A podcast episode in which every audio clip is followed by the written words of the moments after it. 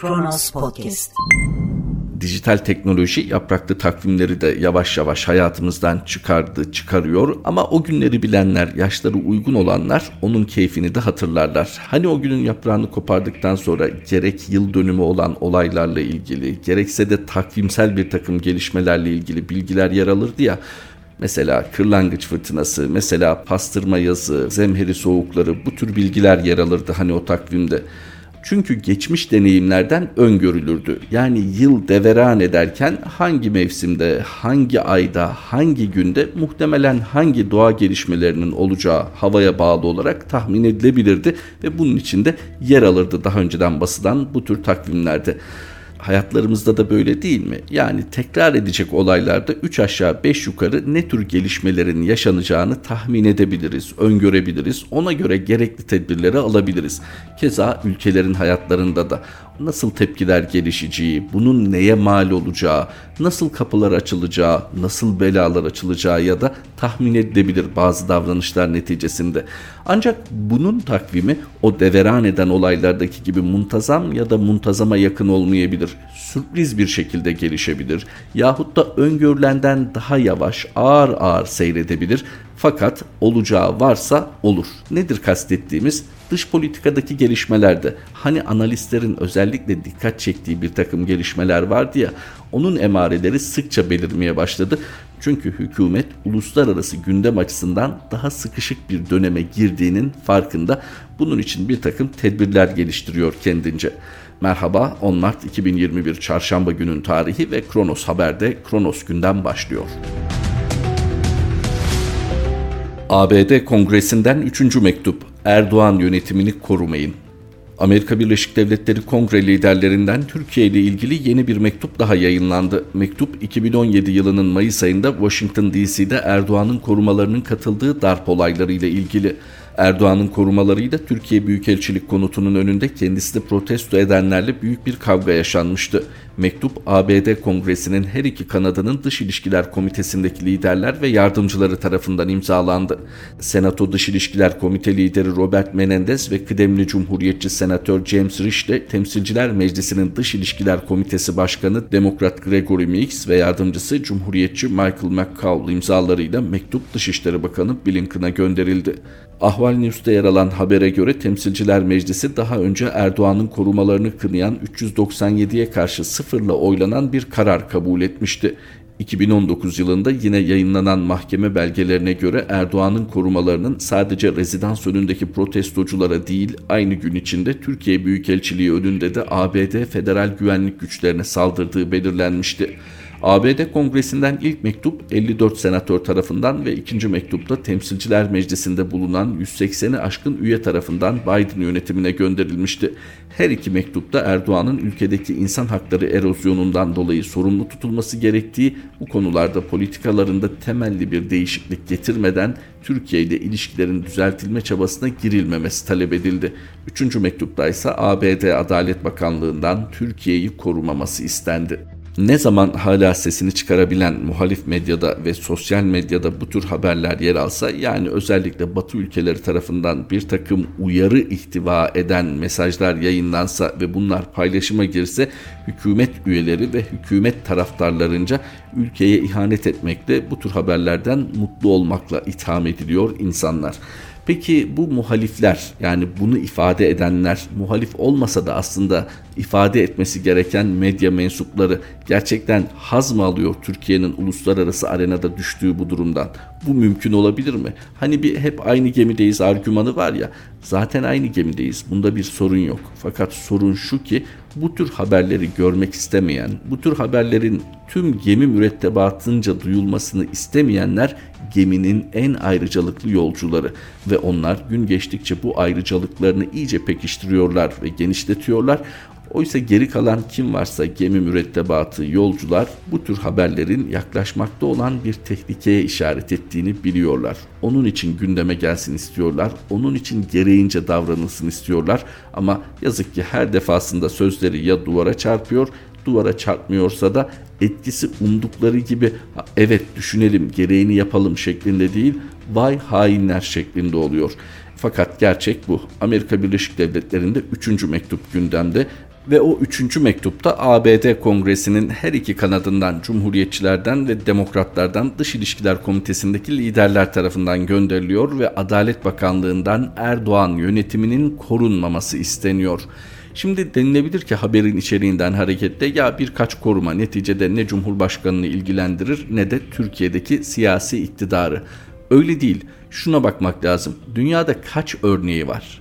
Şu ana kadar kaç kere yaşanmış? Hani burada bir diplomatik nezaketsizlik var. Misafir bulunduğunuz bir ülkede sadece kendi vatandaşlarınız değil ki onlar bir protestoyu dile getiriyorlar. Onlarla bir arbede yaşanıyor, yetinilmiyor. Bir de oradaki federal güvenlik görevlileriyle problem yaşanıyor. Hali hazırda zaten Amerika Birleşik Devletleri'nde devam eden davalar var bununla ilgili. Yani Amerika Birleşik Devletleri topraklarına giremeyecek korumalar var Türkiye'den. Orada zaten cezasını çekenler de var orada yaşayanlardan. Hani şu bir türlü tasarruf etmeye ikna edemediğimiz bir itibar var ya o itibar acaba yurt dışında hem de en önemli müttefikimiz diyebileceğimiz Amerika Birleşik Devletleri'nde böyle mi korunuyor? Karlov suikastı davasında 5 ağır müebbet çıktı, Sputnik ikna olmadı. Rusya'nın Ankara Büyükelçisi Andrei Karlov'un 19 Aralık 2016'da polis memuru Mevlüt Mert Altıntaş tarafından öldürülmesine ilişkin 28 kişinin yargılandığı davada karar açıklandı. Ankara 2. Ağır Ceza Mahkemesi Başkanı Hikmet Erdoğan'ın sanıkların son sözlerini dinledikten sonra açıkladığı hükme göre suikasti gerçekleştiren Mevlüt Mert Altıntaş'ın abi olmakla suçlanan Şahin Söğüt'le suikast talimatını Altıntaş'a ilettiği iddia edilen Salih Yılmaz ve Ahmet Kılınç Arslan anayasal düzeni ortadan kaldırmaya teşebbüsle Karlov'u terör amaçlı kasten öldürme suçlamasıyla ikişer kez ağırlaştırılmış müebbet hapis cezasına çarptırıldı. Mahkeme Gülen cemaatinin istihbarat yapılanmasında görevli olduğu iddia edilen Hüseyin Kötüce ile eski mitçi Vehbi Kürşat Akalın'ı anayasal düzen ortadan kaldırmaya teşebbüsten ağırlaştırılmış müebbet hapse, Karlov'u terör amaçlı kasten öldürmeye yardımdan da 15'er yıl hapse çarptırdı. Mahkeme sanıklar Hasan Tunç, Sercan Başar, Ufuk Gül'ü terör örgütü üyeliği suçundan 7 yıl 6'şar ay, Ayşe Söğüt ve Kaan Bülbül'ü aynı suçtan 9'ar yıl, Hayrettin Aydınbaş ve Ramazan Yüceli ise 10 yıl 6'şar ay hapiste cezalandırdı. Karlov'un öldürüldüğü serginin organizatörü sanık Mustafa Timur Özkan ise terör örgütüne bilerek ve isteyerek yardım suçundan 3 yıl 9 ay hapiste cezalandırıldı. Heyet sanıklar Doğukan Söylemez, Kadir Şamlı, Oğuzhan Öztürk, Abdülsamet Kekeç, Sefa Kurnaz ve Bilal Dereli'nin üzerine atılı suçlardan beraatine karar verdi. Öte yandan Rusya'nın resmi medya kuruluşu Sputnik'in Türkçe versiyonu olan Sputnik Türkiye'nin Karlov suikastı ile ilgili verilen mahkumiyet kararları hakkındaki haberinin sonuna yazıda ifade edilen görüş ve düşünceler Sputnik'in görüşlerini yansıtmayabilir ifadesini eklemesi dikkat çekti. Rusya Dışişleri Bakanlığı'ndan Moskova mahkemenin Büyükelçi Karlov'un öldürülmesiyle ilgili nihayet karar vermiş olmasından memnun açıklaması yapıldı. 19 Aralık 2016'da gerçekleştirilmişti suikast.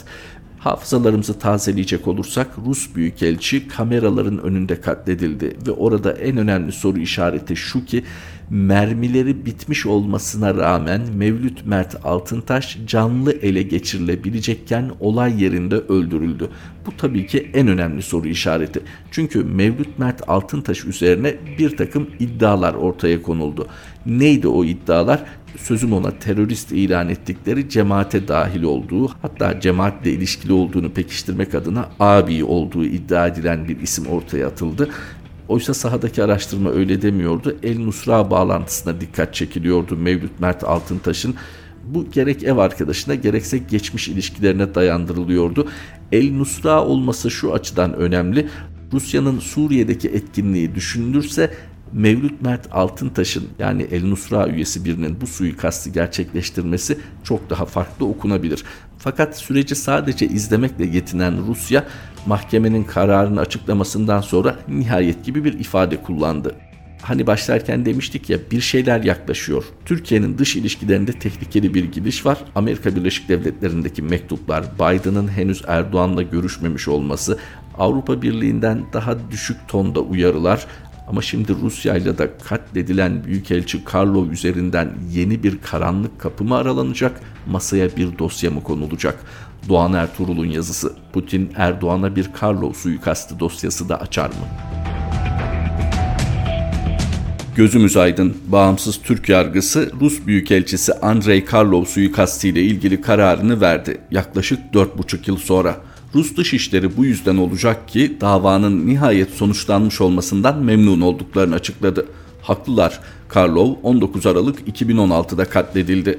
15 Temmuz'dan sadece 4 ay sonra darbe girişimi davalarının dahi karara bağlandığı bir dönemde 4,5 yıl uzun bir süre. Neden bu kadar uzun sürdü? Gecikmenin yargılama safahatından kaynaklanmadığı açık.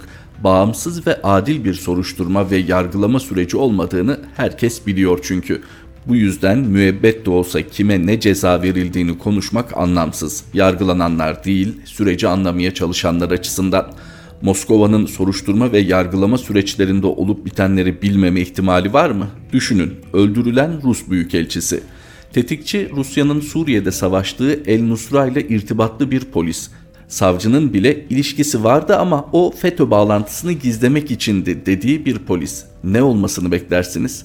Antalya'da bir otelin havuzunda hayatını kaybeden Rus vatandaşı çocuk için haklı olarak Türkiye'ye soruşturma ekibi gönderen, duruşmaları takip eden Moskova'nın konuyu yakından takip etmesini değil mi?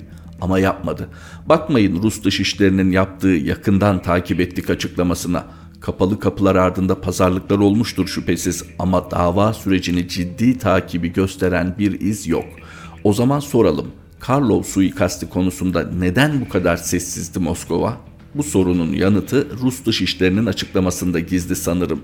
Aslında gizli bile değil. Çünkü şöyle diyor Rusya Sputnik'e göre.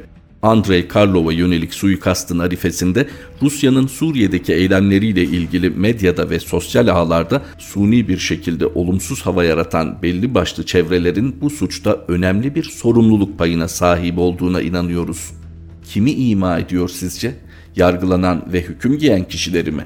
Başka bir şey söylüyor ve adını koyalım. Geleceğe yönelik aba altından sopa gösteriyor Moskova, Erdoğan'a ve AKP iktidarına. Suriye'de düşürülen Rus uçağı için bizzat Erdoğan'a özür dileten, İdlib'de 34 askeri öldürdükten sonra bile dakikalarca reisi ayakta bekleten Putin, Karlov suikastını Türk yargısının ve Erdoğan'ın insafına bırakır mı? Üstelik tetikçi belki Erdoğan'ın Suriye'deki yumuşak karnı El Nusra üyesi bir polisken. Şimdi saray sözcüsü İbrahim Kalın Biden yönetimine Rusya ile ilişkilere yeni bir yön verebiliriz mesajı gönderiyor. Sizce nasıl okumuştur Moskova bu mesajı Ankara'nın dış politikada revizyon arayışını? Rusya analistleri Ankara ile bir yol ayrımı yaşandığında Moskova'nın elinde Erdoğan ve AKP rejimine karşı kullanacakları bir 15 Temmuz dosyası olduğundan söz ediyor bir süredir. Ya Moskova'nın elinde bir Karlov suikastı dosyası da varsa bir yol ayrımında kullanacağı olmaması mümkün mü? Sahi siz Moskova'dan hiç FETÖ açıklaması duydunuz mu? Doğan Ertuğrul imzalı yazıyı aktardıktan sonra bakışlarımızı içeriye çevirelim. Yerel medyaya da havuz geldi. Millet Haber Ajansı nedir, kimler kurdu? Ulusal medyanın büyük bölümünü kontrol eden AK Parti iktidarı yerel medyaya da benzer bir havuz sistemi kurdu. Yaklaşık 250 yerel gazete, televizyon ve radyoyu bünyesinde bulunduran Millet Haber Ajansı yayın hayatına başladı. Mikrofonları 3 büyük ajansın yanında 4. ajans olarak gözükmeye başladı. Ajans için yapılan açıklamada yerel medya kuruluşlarının kendi havuzlarında bulunan haberleri Millet Haber Ajansı havuzuna atmasıyla birlikte isteyen medya kuruluşlarının bu haberleri ücretsiz alacağı kaydedildi. Bu sistemin sadece yerel medya kuruluşlarına değil ulusal medya kuruluşlarına da açık olacağı belirtildi. Genel yayın yönetmenliğini Anadolu Yayıncılar Derneği Başkanı Sinan Burhan'ın yaptığını belirtiyor Kronos Haber, Millet Haber Ajansı'nın her yıl Anadolu Medya Ödülleri töreni düzenleyen Anadolu Yayıncılar Derneği Aralık 2020'deki 6. ödül gecesinde yılın iletişim ödülünü İletişim Başkanı Fahrettin Altun'a vermişti. Başkan Sinan Burhan, Fahrettin Bey yerli ve milli medya anlayışını ortaya koyuyor. Hem Fahrettin Bey hem ailesi haksız yere itibar suikastına maruz kalıyorlar. Bu durum Anadolu'da kabul görmüyor. Bu vatanı sevmenin bedeli var. Fahrettin Bey de bu bedeli ödüyor demişti. Birçok kategoride verilen ödüller iktidara yakın medyaya ve isimlere gitmişti her şey normal giderken medyayı belki daha çok bir eğlence, bir vakit geçirme aracı olarak değerlendiren geniş kitleler sanırım bu son gelişmelerle birlikte aslında medyanın ne demek olduğunu, ne işe yaradığını daha iyi kavramıştır. Çünkü haber alamazsanız tepki geliştiremezsiniz. Tepki geliştirmediğiniz takdirde demokratik haklarınızı etkili bir biçimde kullanamazsınız. Zaten baskıcı yönetimlerin istediği de budur. Siz bu haklarınızda ısrarcı olmadığınız takdirde onların bu haklar üzerindeki tasarrufu şu şekilde olacaktır. İkram edeceklerdir, lütfedeceklerdir, bağışlayacaklardır ve aradaki ilişkinin de daima sanki bir ast üst ilişkisiymiş gibi korunmasını sağlayacaktır. Geniş kitleler yönetimin takdir ettiği haklarını kullanırken bir de şükran duyacaklardır. Tabii bunun olabilmesi eğitim düzeyine de bağlı. Eğitim düzeyi yükseldikçe bu tür baskıcı yönetimlerin kendilerini daha büyük bir tehdit altında hissettiği aşikar. Tabii ki istisnalarından bahsedilebilir tarihte fakat büyük baskıcı kitlesel iktidarlarda kaçınılmaz. Haberler de denetim altında olmak zorunda, medyada kontrol altında olmak zorunda. Çünkü bunun harika bir gerekçesi vardır. Milli beka problemi ülkemizin, devletimizin sağlıklı, sıhhatli bir şekilde geleceğe yol alması için medyanın da kontrol edilmesi gerekir. Hani ulusal ölçekte doğru bulunmasa bile siyasi gerekçelerle anlaşılabilir diyelim. Medyada yer almak istemesi, medyada kendi sözcülerinin bulunmasını istemesi gayet anlaşılır diyelim. Fakat medyanın neredeyse tamamına yakınının kontrol edilebildiği bir sistemde siyasi masum talepler söz konusu olamaz. Burada kelimenin tam anlamıyla yönlendirme amaçlı kullanılmaktadır ki pek çok örneğini zaten paylaşabiliriz. Fakat şimdi Kronos Haber'in dikkat çektiği Millet Haber Ajansı var yayına başlayan. Neden buna ihtiyaç duyulmuştur? büyük olasılıkla artık su sızdırmaması lazım kurulan yapının. Ulusal ölçekte biz bir takım haberlerin dolaşıma girmesini sağlıyoruz. Bu konuda kontrolü elimizde tutuyoruz. Dolayısıyla bir kamuoyu oluşturuyoruz. Fakat yerel ölçekte de fire vermemek lazım. Yerel medyanın da bir şekilde kontrol edilmesi lazım. E bunun içinde Anadolu Yayıncılar Derneği uygun görülmüş. Başkan Sinan Burhan zaten düzenledikleri ödül töreninde gerek iletişim başkanı Fahrettin Altun'u överek gerekse de pek çok kategoride verdikleri ödülleri tam da adrese teslim iktidara yakın isimlere vererek tavrını, tarzını bundan sonraki hedefini göstermiş oluyor. Hani ağız alışkanlığı hayırlı olsun diyelim de Millet Haber Ajansı'nın milletin hayrına olmayacağı aşikar. Bir işsiz müzisyen daha geçim sıkıntısından intihar etti. Koronavirüs salgınından en çok etkilenen gruplar arasında yer alan müzisyenler zor günler geçiriyor. Konserlerin yapılamaması, eğlence mekanlarının kapalı olması nedeniyle işsiz kalan müzisyenler arasında intihar vakaları artış gösteriyor. Bu kez de Adana'da aylardır işsiz olan 41 yaşındaki Ahan Yerdelen isimli müzisyen intihar etti. Daha önce de Duran Ay, Mehmet Mert El, Yusuf Karayiğit gibi birçok müzisyen geçim sıkıntısı nedeniyle yaşamlarına son vermişti. Ticaret Bakanlığı verilerine göre 2020 yılında 99.588 esnafın dükkanı ve 40.735 şirket kapandı. Gerçek işsiz sayısı ise 10.7 milyona ulaştı. Bir kişi rakamla bir, dile kolay fakat bir hayat ve etkileşimde bulunduğu diğer hayatlar itibarıyla da son derece kıymetli kişisel psikolojik nedenler başka bir başlık altında. Fakat bu intiharların ekonomik gerekçelerle olması hükümeti artık ilgilendirmeli. Hatırlarsınız daha önceki kriz dönemlerinde dönemin başbakanı, mevcut Cumhurbaşkanı Recep Tayyip Erdoğan ne demişti? Onlar iş bilmeyen esnaflar. Peki 2020 yılında neredeyse 100 bin dükkan kapanırken yine bunun esnafın iş bilmemesinden mi kaynaklandığını söyleyeceksiniz. 40.735 şirket kapandı. İşsiz sayısı 10 milyonun üzerinde. Ama bunlar ifade edildiğinde hep hükümeti yıpratmaya dönük bir takım propagandalar olduğu iddia ediliyor. Bakınız intiharlar ortada ve ekonomik gerekçeyle olduğu artık açık gerek bırakılan notlarda gerekse yakınlarının ifadelerinde. Hani siz neredeyse artık muhalefet etmeyi darbe teşebbüsü sayacaksınız ki aslında tam da bu şekilde iddianamelere giren ifadeler var. Az önce sözünü ettiğimiz Millet Haber Ajansı vardı ya, bir yerel gazete ya da bir yerel televizyon düşünün. Bulunduğu bölgede tanınan bir müzisyenin bu sebeple intihar ettiğinin haberinin yapıldığını düşünün. Oysa bir de bu haberin görülmediği, görülse bile belki en fazla bir vefat ilanı kadar görüldüğü yerel medyayı düşünün. Ve daha pek çok örnek, pek çok gerekçe baskıcı rejimlerin medyayı avuçlarında tutmak istemesi için. Kronos gündemin sonuna geldik. Kronos Haber'de tekrar buluşmak üzere. Hoşçakalın.